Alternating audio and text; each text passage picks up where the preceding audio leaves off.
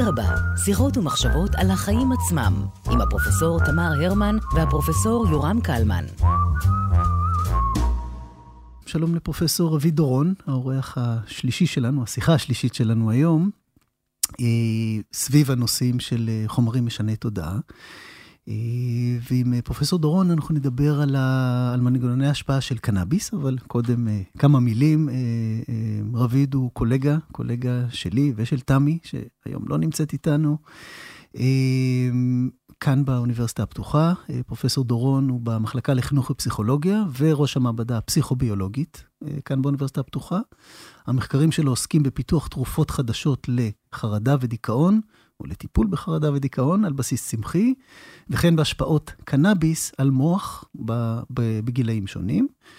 והמחקרים של פרופסור רביד כוללים גם רכיבים התנהגותיים, לצד הבנת המנגנונים המוחיים, הביולוגיים והמולקולריים. ברוך הבא, פרופסור דורון.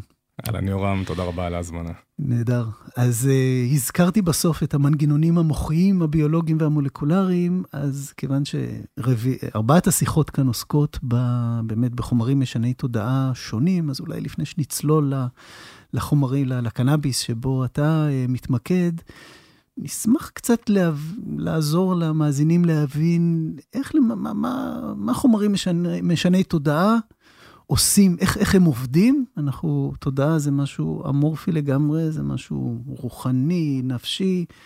איפה הכימיה נכנסת אה, לעבודה כאן? אז יצא לך פעם לחשוב מה זה אומר שאתה נהנה. נגיד יצאת לסרט והיה לך מאוד כיף, הלכת לים ומאוד נהנית, או ראית משחק כדורגל והיה לך כיף. מה זה אומר שכיף לנו? אז שכיף לנו זה אומר שיש לנו איזה שהם חומרים בתוך המוח שהם מופרשים. יש איזושהי מערכת שנקראת בשם מערכת החיזוק שנמצאת בתוך המוח. החומר שמופרש ממנה זה חומר שנקרא דופמין. וברגע שנשפך לנו אותו דופמין בתוך המוח, אנחנו נהנים גם ממשחק כדורגל וגם מצעדה שיצאנו אליה. כל הסמים, המכנה המשותף של כל הסמים, זה לא משנה חוקיים לא חוקיים, אלכוהול, סיגריות, קוקאין, קנאביס, הרואין, LSD, כל הסמים, המכנה המשותף שלהם זה שהם מגיעים לתוך המערכת ה... של החיזוק הזו, גורמים להפרשה מוגברת של דופמין, ואז אנחנו נהנים מהסם כאילו עשינו משהו שהוא מאוד uh, כיף לנו, ואז אנחנו רוצים לחזור על ההתנהגות הזו שוב ושוב, כי ההנאה זה משהו שנצרב לנו בתוך הזיכרון. וואו, זה קצר ולעניין. אז למעשה, אז אתה אומר שהתחושה של, של עונג היא, הדופמין יוצר תחושה של... בהחלט, אותו של... דופמין שמופרש לנו בתוך המוח גורם לתהליך נעים וטוב. ואז אנחנו רוצים לחזור על ההתנהגות הזו. עכשיו, זה המכנה המשותף של כל הסמים. כמובן שכל סם עובד באופן אינדיבידואלי טיפה אחר, אם אנחנו הולכים נגיד לחומרים משני תודעה, כמו למשל אקסטזי או LSD, אז אלה חומרים ש... אקסטזי זה מה שהם קוראים MDMA, MDMA, נכון? נכון. כן, יש לנו פשוט שיחה על MDMA, שיחה אחרת. אז החומרים האלה, באמת ה-MDMA וה-LSD, או פסילוסיבין, אלה חומרים שעובדים בעיקר על מערכת שהיא... קרובת משפחה של הדופמין שנקראת מערכת הסרוטונין, שהיא גם אחראית על מצב רוח, וכאשר הסרוטונין עולה אנחנו מרגישים טוב ונעים, שמחים וצוהלים, וכאשר הוא יורד אנחנו עצובים. ואותם חומרים שעובדים באמת על הסרוטונין הם גם חומרים שגורמים לנו לאיזושהי הנאה מסוימת, אבל כאן זה באמת הספציאליטה של כל סם, ואם אנחנו מדברים על המכנה המשותף, אז המכנה המשותף זה מה שאמרתי בראשית הדברים, אותה מערכת reward, אותה מערכת חיזוק של הדופמין. אז עוד שאלה, אתה הראשון בשיחות שמשתמש במושג, במושג סם, איפה שמים באמת הקו בין סמים לחומרים משמרי, משני, משני תודעה, ובאמת איפה פה נכנסים דברים כמו אלכוהול, שזה, אני חושב, קטגוריה אחת, וחומרים, זאת אומרת, איפה, איפה פה... אז, אז תראה, בעברית אנחנו באמת עושים את ההבחנה בין uh, סם חוקי לסם uh, לא חוקי, אבל uh, באנגלית זאת המילה, זה דרג. ודרג בעצם מכניס בתוכו גם תרופות וגם uh, חומרים משני תודעה וגם חומרים שלא משני תודעה. כלומר, כל הדרג זה חומרים שמגיעים uh, במינון נמוך. משפיעים לנו על הגוף, הגוף לא צריך אותם, והם באמת משנים לנו את הפעילות של הגוף. אז זה נכון לגבי אקמול, וזה נכון לגבי נורופן, וזה גם נכון לגבי קוקאין ו- ומריחואנה. זאת אומרת, כל הסמים שמגיעים והגוף לא צריך אותם, והמינון שלהם נמוך והם משפיעים על הפעילות של הגוף, נחשבים כסם, ולכן אני מכניס אותם תחת אותה קטגוריה. אגב, רוב השינוי הוא באמת אני משער דרך המוח, רק על המוח? ההשפעה היא רק על המוח? לא, לא, לא, לא, ממש לא. זאת אומרת, okay. חומרים כמובן שמשפיעים גם על המערכות uh, הפריפריות, לדוגמה, אלכוהול, אחד האזורים שהוא משפיע עליו ברמה הגדולה ביותר זה בעצם הכבד, שחמת הכבד בשתייה מרובה של אלכוהול יכולה בעצם להתפרץ, okay. כי הוא מפורק בסופו של דבר בכבד. אז כמובן שהם משפיעים גם על מערכות אחרות, קוקאין משפיע על קצב לב ולחץ דם, ו... אחת הסיבות שאנשים מתים לעיתים משימוש יתר בקוקאין זה אה, הגברה בקצב הלב והתקפי לב שיכולים לקרות. אז זאת אומרת, כמובן שהחומרים משפיעים על המערכות הפריפריות, אבל ברמה התודעתית שלכאן בעצם התכנסנו, אז התודעה נמצאת בתוך הקופסה שנקראת בשם מוח, אה, שהיא זו שמייצרת את ההבנה, את הרגש, את הקוגניציה, וכמובן שחומרים שמשפיעים על היכולות האלה של הבנה, קוגניציה, רגש, מוסר, מצפון, שיקול דעת, אלה בעצם החומרים שמשפיעים על התודעה, אה, מוח. מרתק. אז אה, בוא נצלול באמת לתחום שאתה, שאתה חוקר במעבדה, וזה קנאביס, ספציפית קנאביס. אז ככה קצת רקע על הקנאביס. אז. אנחנו באמת מתעסקים בתחום של uh, קנאביס, uh, נכנסנו לזה בשנים האחרונות טיפה יותר. וצריך להבין שהצמח הזה שנקרא בשם אה, צמח הקנאביס, שגדל כמעט בכל עציץ באזור תל אביב, אז הצמח הזה יש בתוכו הרבה מאוד כימיקלים, יש בתוך הצמח של הקנאביס משהו כמו 585 חומרים שונים. את רוב החומרים אנחנו לא מכירים, אנחנו מכירים בערך 80-85 חומרים מתוך הצמח הזה. אבל יש חומר אחד שבגללו אנשים נהנים להשתמש בקנאביס, והוא בעצם החומר הפסיכואקטיבי שגורם גם לשינוי לפעמים של, אה, נקרא לזה תודעה, או משפיע על המוח, אה, וזה החומר שנקרא בשם אה, טטרה-הידרוקנבינול, או בקיצור THC. והחומר הזה, THC, זה החומר שמגיע לאותה מערכת חיזוק במוח, גורם להפרשה של דופמין, גורם לכיף, ואז אנחנו רוצים להשתמש בו שוב ושוב. אבל מלבד האזור הזה במוח שה-THC משפיע, הוא משפיע על עוד כמה אזורים במוח שבכלל לא קשורים להנאה, ועליהם נראה לי שכדאי לנו לדבר כי הם מעניינים.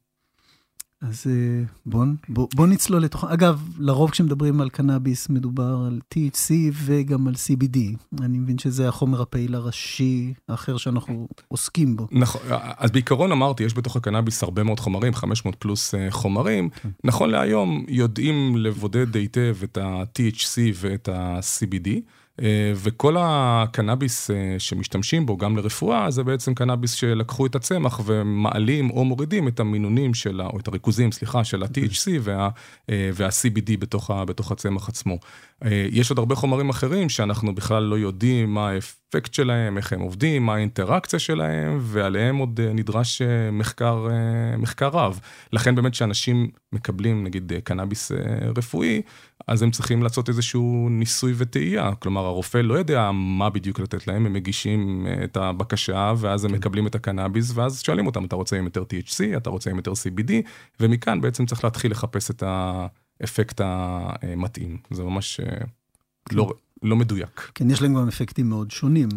לגמרי. כמעט מנוגדים במידה מסוימת. אני לא חושב שהם... לא, זה לא מנוגד, אוקיי. אני לא חושב שהם מנוגדים, אבל אה, אה, באמת מבחינת ה-CBD, שזה החומר השני, זה חומר שהוא לא גורם להנאה, הוא לא מפעיל את מערכת החיזוק, זה חומר שלא יגרום לנו לאיזושהי תלות מסוימת, ולכן מה שחושבים היום יותר ויותר לעשות, זה להפוך באמת את ה-CBD לאיזשהו חומר שהוא...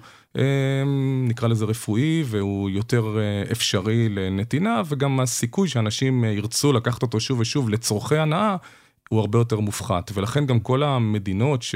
התחילו למכור, או כל מיני אה, חברות שהתחילו למכור אה, קנאביס, אז אתה שם לב שהפרסומת זה ל-CBD, אבל שמים את העלה של הקנאביס. זאת אומרת, יש פה איזושהי הטעיה, ה-CBD כן. הוא לא גורם לתלות, ולא גורם להתמכרות, ולא גורם לכיף, ויש לו שימושים רפואיים מסוימים, שהוא יכול לפעמים לעזור קצת לכאבים, וקצת לדלקות, דרך אגב, דלקות, ה-THC טוב יותר, אבל uh, יש פה באמת אפקט של משולב של כמה חומרים ביחד.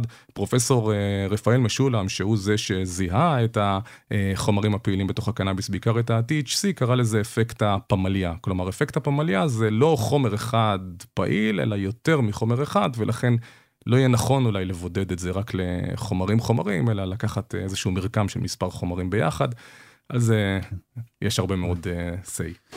אז בוא באמת uh, נלמד על ה-THC? אז מבחינת באמת ה-THC, חוץ מזה שהוא מגיע למנגנון ההנאה, יש לו עוד כמה אזורים במוח שהוא משפיע עליהם, אחד מהאזורים זה אזור שנקרא בשם ההיפוקמפוס. ההיפוקמפוס, אם ננסה להסביר, זה מנגנון הזיכרון שלנו בעיקר. כשאנחנו זוכרים דברים חדשים, לומדים דברים חדשים, מכניסים, מוציאים מידע מתוך הזיכרון, האזור הזה של ההיפוקמפוס פעיל הוא אנלוג להארד דיסק של המוח. ה-THC אוהב מאוד את ההיפוקמפוס, הוא מתיישב עליו ומרדים אותו. ואז ברגע שההיפוקמפוס נרדם, יכולת הזיכרון, יכולת הלמידה, יכולת השליפה תחת ההשפעה של הקנאביס, או בעיקר של ה-THC, תהיה פחות אה, יעילה. האם אפשר להראות את זה או להוכיח את זה בניסויים? אז אה, יש באמת כמה ניסויים שנעשו, נגיד לקחו תא אחד מההיפוקמפוס, בדקו אותו לפני ואחרי ששפכו עליו THC מבחינת הזיכרון, ורצו לראות איך הוא זוכר. ומה שראו, שאותו תא בהיפוקמפוס ששפכו עליו THC, מיד ירד היכולת הזיכרון שלו, יכולת הפעילות שלו, ירדה כמעט בחצי מהעוצמה, לעומת uh, לפני ששפכו עליו את ה-THC. כלומר, ה-THC ממש מוריד את היכולת של תאים באזור של הזיכרון לפעול uh, טוב יותר. זה, זה לקליטה או לש... זאת אומרת לשליפה? זה גם לה... לשליפה וגם לקליטה, כלומר זה מוריד את היכולת של הזיכרון. עכשיו, השאלה שנשאלת, בסדר, מוריד את הזיכרון, כמה זמן? זאת אומרת, אם היום, אה, נגיד, אה, עישנתי, עישנתי קנאביס, ומאוד נהניתי, כי אמרנו שזה גורם להנאה, אז אני לא אזכור טוב, ונגיד שלא יודע, בעוד שבוע יש לי מבחן, אז היום אני לא אזכור אותו, ומחר אני לא אזכור אותו, ועד למבחן בשבוע הבא הכל יתאזן, אז what's the big deal?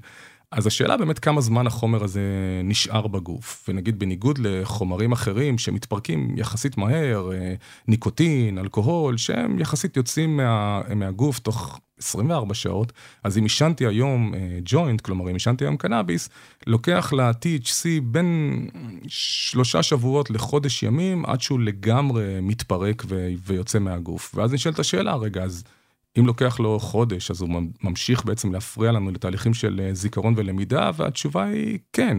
כלומר, גם במינונים מאוד נמוכים, של אה, THC, הוא ממשיך להפריע להיפוקמפוס, למרות שאנחנו כבר לא נהנים מהסם. עישנו אותו לפני חודש, שכחנו שעישנו, אבל גם... טוב, במילונים... שכחנו, כי הזיכרון נפגע. גם, יש בזה משהו.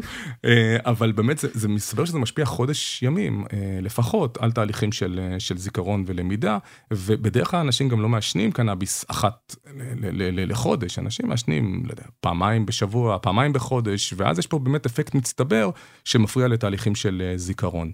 אני רוצה לספר לך על, על ניסוי שעשינו במעבדה לפני uh, כמה שנים, זה, זה, זה, זה ניסוי שעשינו בשיתוף עם פרופסור יוסי סרנה מאוניברסיטת תל אביב. ומה שעשינו בניסוי הזה, לקחנו עכברים, uh, זה היה בעכברים, אז לקחנו עכברים uh, צעירים uh, בגיל ההתבגרות, שזה כאילו מקביל לגיל 14-20 אצלנו, הזרקנו להם פעם אחת ויחידה uh, THC, ובדקנו את הזיכרון שלהם אחרי שעתיים, אחרי שבועיים וחודש uh, ימים מאוחר יותר.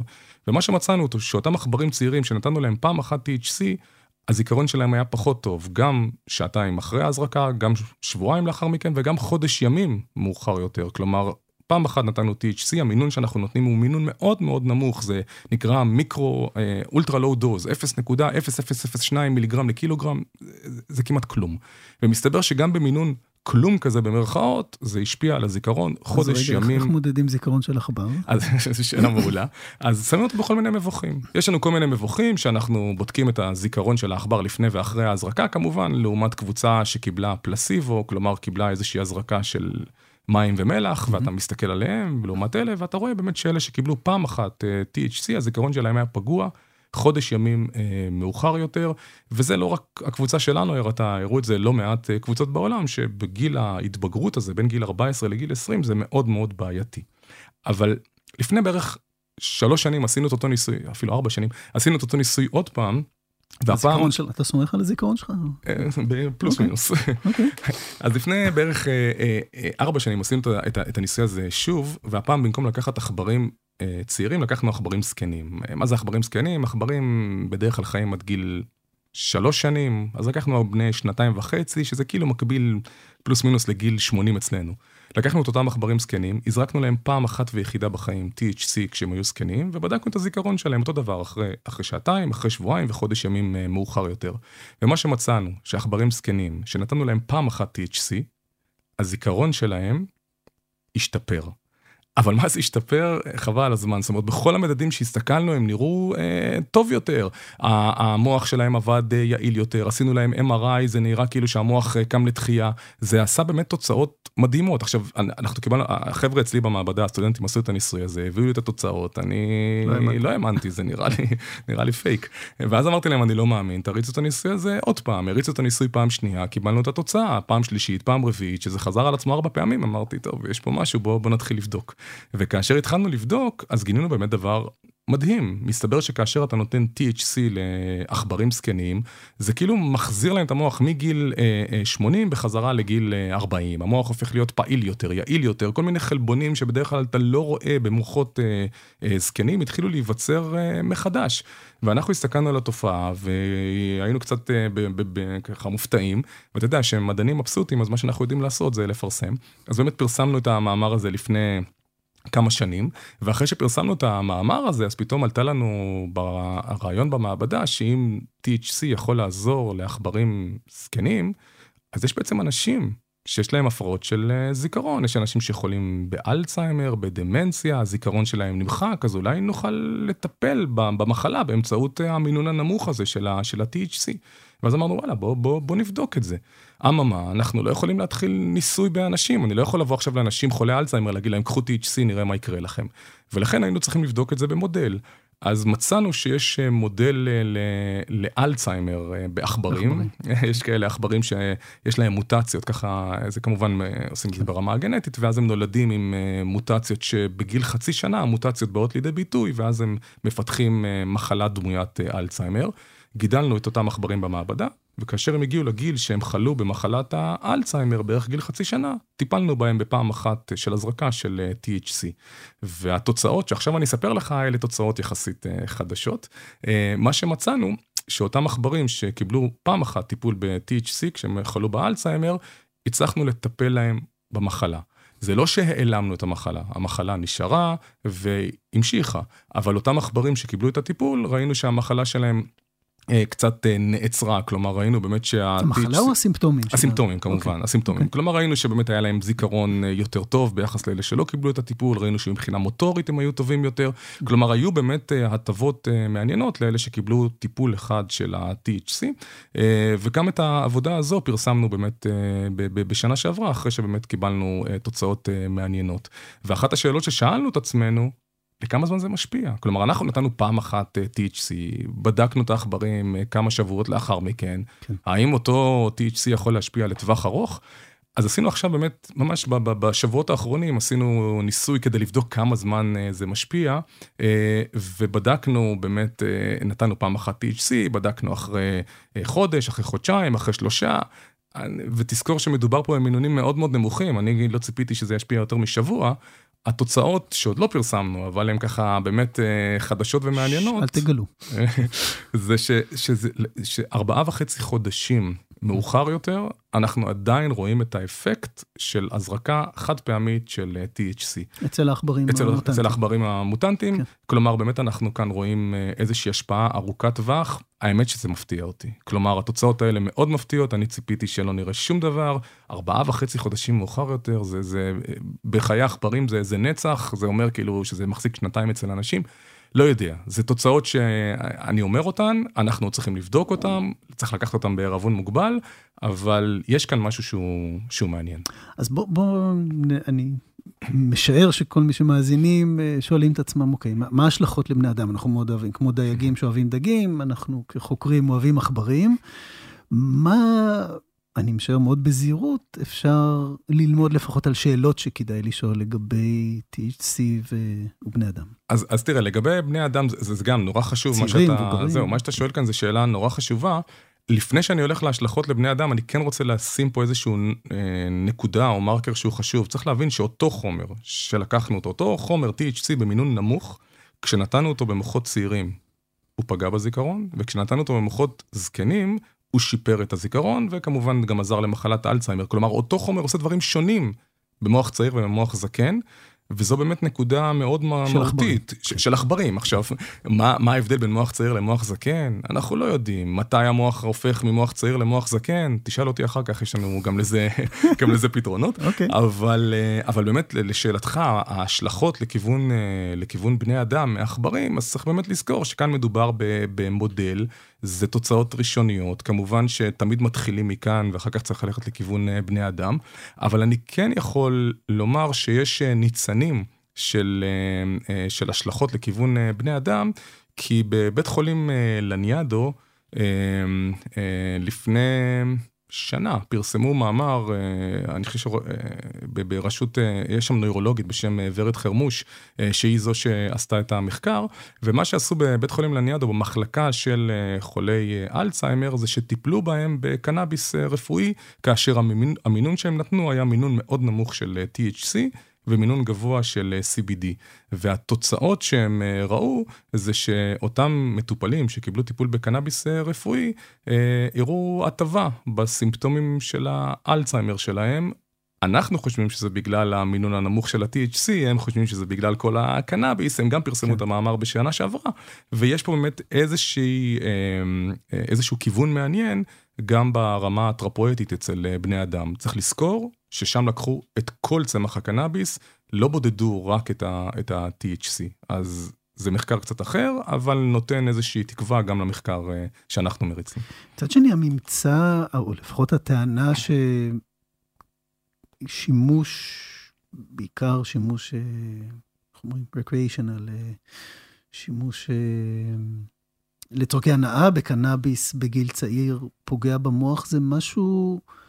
שדובר עליו בעבר, זה לא משהו חדש, נכון? זה... אז תראה, יש לא מעט מחקרים שמראים שזה מפריע לזיכרון. עכשיו, כן. תמיד אומרים, אוקיי, זה מפריע לזיכרון, זה לא הורג את הזיכרון, הזיכרון יתעורר, אז עכשיו, לא יודע, אנחנו נהיה קצת אה, עם בעיות של אה, זיכרון לטווח מסוים, וזה גם, גם קצת אה, אה, בעייתי, כי אפשר, אפשר בעצם להגיע לאיזושהי מסקנה מכל מה שדיברנו עד עכשיו, שבגיל צעיר THC פוגע בזיכרון.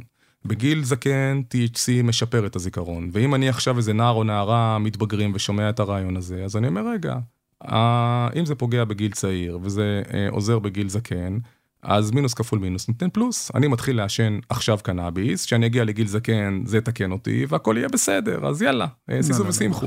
ואז נשאלת השאלה אם זה באמת מסקנה נכונה, ואני חייב לומר שיש גם מחקר מעניין שפורסם בשנה שעברה, שלקחו אנשים שהיום הם בני 50, ובדקו את, אה, את, ה, אה, את ההשפעה של עישון קנאביס לאורך זמן, מגיל 20 התחילו לעשן בגיל 20, 30 שנים הם מעשנים, ורצו לראות איך, האם זה בכלל משפיע עליהם על תהליכים אה, במוח.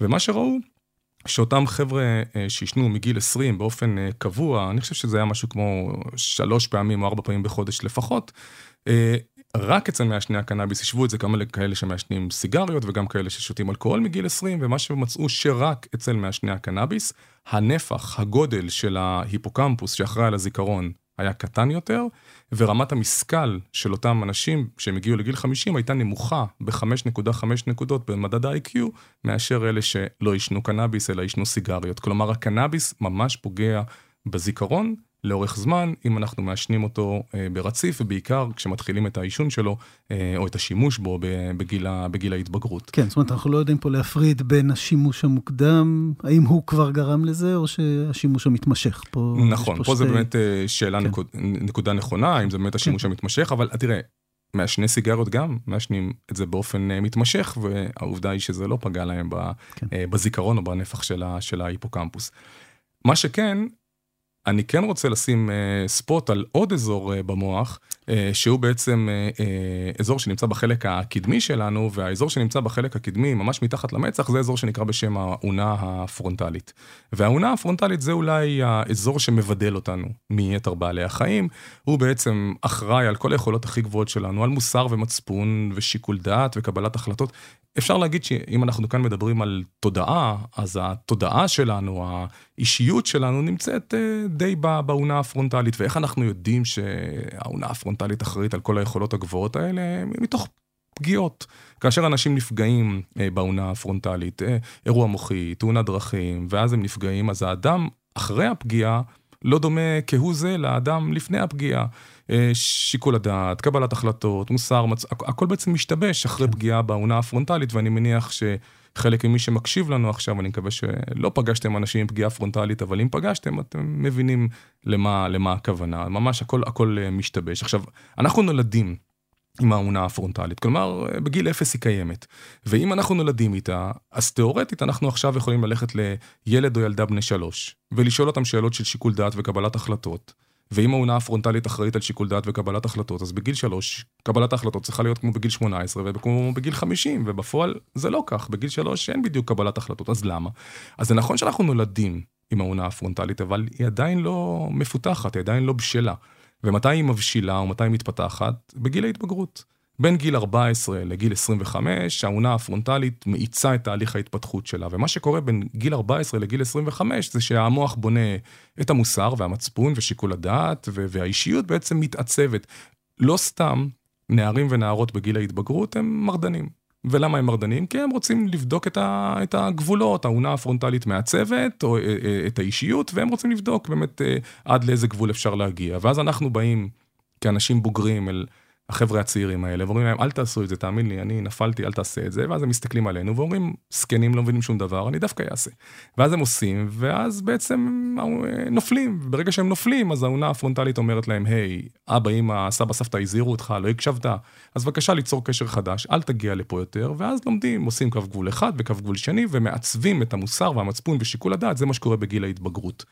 THC, החומר שפעיל בקנאביס, הוא מאוד אוהב את האונה הפרונטלית, הוא מתיישב עליה ומונע ממנה להתפתח.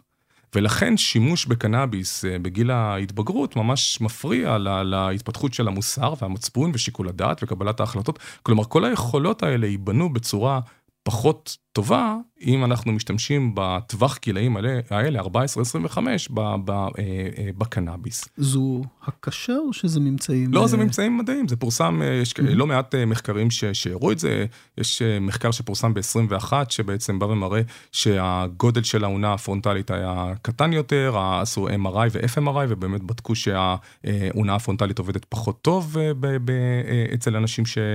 השתמשו בקנאביס בגילאים של גיל ההתבגרות. בהחלט, זאת אומרת, אלה, זה evidence שהוא, שהוא קיים, אם תרצה אחר כך, אה, לא יודע, אם שמים note, אז אפשר, אפשר לעשות uh, קישור, לה, קישור למאמרים. אז זה בהחלט דברים שהם, שפורסמו, ואז חלקנו עכשיו מסתכלים, אומרים, שנייה, שנייה, אם מה שעכשיו אנחנו מדברים כאן הוא אמיתי, אז איך זה יכול להיות שמדינות נאורות כמו ארה"ב אישרה קנאביס לגלי במדינות כמו קליפורניה וניו יורק ווושינגטון הבירה, מה הם לא מכירים את המחקרים שקנאביס יכול לפגוע בהתפתחות של האונה הפרונטלית, במוסר ובמצפון, איך הם אישרו את זה לגלית? שאלה מצוינת. ואז, מה התשובה? אז אם אנחנו נלך לכל המדינות שאישרו קנאביס באופן לגלי ונקרא את החוק, אנחנו נראה שבכל המדינות האלה אישרו את הקנאביס הלגלי מגיל 21 צפונה והלאה. אף מדינה בארצות הברית לא אישרה קנאביס לא בגיל 14 ולא בגיל 17. ולמה? כי מכירים את המחקרים האלה. ואומרים, אוקיי, אתם רוצים לעשן קנאביס? אין בעיה. תנו לאונה הפרונטלית להתפתח, תנו למוח להתפתח, כשתגיעו לגיל שהעסק יציב, תחליטו מה שאתם רוצים. אבל לפני זה, אנחנו, הברית, הדמוקרטיה הגדולה בעולם, לא נאשר בחוק שימוש בקנאביס, כי זה פוגע בהתפתחות של המוסר והמצפון, שיקול הדעת, אישיות, כל הדברים האלה נפגעים, ולכן בעצם הקנאביס מותר מגיל מסוים ואסור מגיל אחר, וזה התובנות שאנחנו גם מנסים להסביר כאן, שיש הבדל אדיר בין מוח צעיר למוח זקן. גם בהיפוקמפוס, גם בזיכרון, גם באונה הפרונטלית, גם במוסר, גם במצפון, ואני חייב לשים עוד נוט אחד, אם יורשה לי, האונה הפרונטלית מעבר לכל הדברים האלה שדיברנו, של מוסר ומצפון ושיקול דעת וקבלת החלטות, היא גם אחראית על המערכת המוטורית.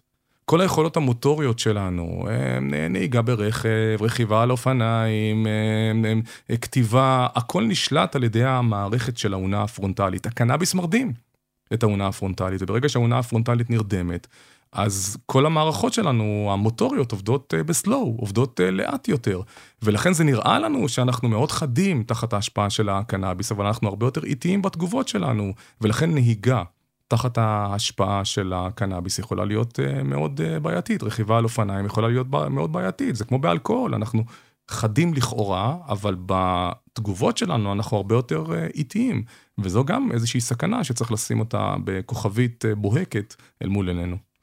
מעניין. טוב, אנחנו ככה מתקרבים לסיום, ואני חושב שמה שסימנת מעניין זה את הקשר, זאת אומרת, ההחלטה במה משתמשים, באיזה חומרים משתמשים, היא גם כן החלטה שדורשת שיקול דעת, אה, ודווקא סביב גיל ההתבגרות של ניסיון, אה, התנסויות חדשות, אה, פריצת... פריצת גבולות, אה, הטלת ספק בדורות הקודמים, אה, יש כאן איזושהי, איזושהי אינטראקציה, איזושהי אינטראקציה מעניינת בין זה לבין החלטות באמת של, אה, של חבר'ה צעירים על שימוש במגוון של חומרים. אתה נתת את הדוגמה של קנאביס, אבל יש, יש, יש ככה, בהיצע יש לא מעט חומרים, חלקם חוקיים, חלקם לא חוקיים. אמ, ונדמה לי שדווקא לסיכום אנחנו יכולים להגיד שאנחנו לא יודעים. זה לא שאנחנו יכולים פה לצאת עם המלצה חד משמעית אה, לכאן או לכאן, אה, אלא אם כן אני טועה. אנחנו כן יכולים לצאת עם איזושהי אזהרה אמ, ששום דבר לא פשוט. אה, לגמרי, זאת אומרת, אני חושב שבאמת אי אפשר לצאת פה באיזושהי הצהרה. אנחנו, אתה יודע, חוקרים היום דברים מסוימים. ויכול להיות שמחר הם לחלוטין יהיו לא נכונים.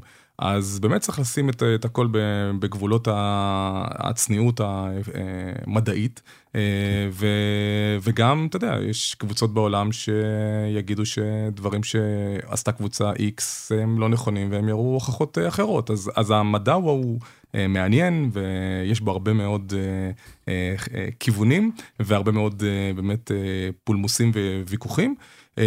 בגדול, אה, מה, ש, מה שבאמת אה, ציירנו כאן לגבי מוח צעיר ומוח בוגר, אלה דברים שכרגע אנחנו רואים בתוך המעבדה, ויש להם גם חיזוקים אה, נוספים ממקומות אחרים, אחרים בעולם. הרבה מאוד חומרים משפיעים, משפיעים על המוח ברמה זו או אחרת, וזה לא רק באמת קנאביס. יש גם סגולות טובות, זאת אומרת, אני חושב שאנשים לא היו הולכים ומנסים להשתמש ב, ב, בחומרים אם, אם זה היה עושה להם רע. זאת אומרת, אני חושב שבן אדם ששתה אלכוהול, אה, איבד את ההכרה, הרגיש רע מזה, הסיכוי שהוא יחזור שוב לנסות את החומר הזה הוא יותר נמוך, כי ברגע שהייתה לך חוויה רעה, לא בטוח שתרצה, ואפשר לדבר באמת על אנשים שמשתמשים בקנאביס, שהייתה להם חוויה רעה והם לא יחזרו לזה. כן. אבל... באמת אה, השאלה היא למה, מה, מה ה drive, וה drive לנסות את החומרים האלה זה גם באמת בגיל ההתבגרות, זה שרוצים לנסות ולפרוץ את, ה, את הגבולות. והדבר השני זה באמת לפעמים פותח אותנו לעניינים מאוד uh, מעניינים. תראה, אני אתן לך דוגמה אולי ש, שתמחיש את זה. Uh, הרבה מאוד אומנים מעשנים uh, קנאביס ואומרים שהשימוש בקנאביס, ולאו דווקא קנאביס, אבל כרגע mm-hmm. אנחנו מדברים עליו, עוזר להם uh, לתהליכים של uh, יצירתיות ופותח להם את, המוח ומאפשר להם באמת לחשוב בצורה אחרת. כן. והאם זה נכון? התשובה היא כן, זה נכון. האם זה באמת פותח להם את, ה, את הצ'קרות? יכול להיות, ש, יכול להיות שכן, אבל איך זה עושה את זה? כי זה מרדים את האונה הפרונטלית. עכשיו, האונה הפרונטלית היא אחראית על שיקול הדעת וקבלת החלטות, והיא כמו איזה מורה בכיתה, שכשהמורה הוא דומיננטי ונמצא בכיתה, אז כל הכיתה שקטה. הרדמת את המורה, כלומר הרדמת את האונה הפרונטלית, אז כל הילדים מתחילים לעשות רעש בכיתה. מי זה הילדים? כל האזורים שנמצאים בעומק של המוח. עכשיו, הם תמיד היו שם. תמיד אותו אדם יצירתי, אותו אומן, היה יצירתי, רק שהוא היה פחות מודע ליצירתיות שלו. מה שעושה הקנאביס, הוא מנמיך את הפעילות של כל האזורים הגבוהים במוח, את כל האונה הפרונטלית, ואז אתה בעצם מודע לכל מיני אזורים ש... לפעמים אתה מודע אליהם בחלום, אבל לא מודע אליהם במציאות. אז פתאום אתה אומר, וואו, אני יצירתי, אני הרבה יותר פרודוקטיבי, המוזה נפלה עליי, היא הייתה שם תמיד. פחות היית מודע אליה, וברגע שאתה מודע אליה, אתה אומר, יו, זה עושה לי כיף, אז אני רוצה לחזור לזה. אז צריך להבין שחלק מהתובנה זה פשוט כהרדמה של אזור אחד, אזור אחר במוח קופץ ועולה, ואז אנחנו מתלהבים, אבל זה היה שם תמיד. פרופסור דורון, היה מאוד מעניין, תודה רבה. תודה רבה על ההזמנה.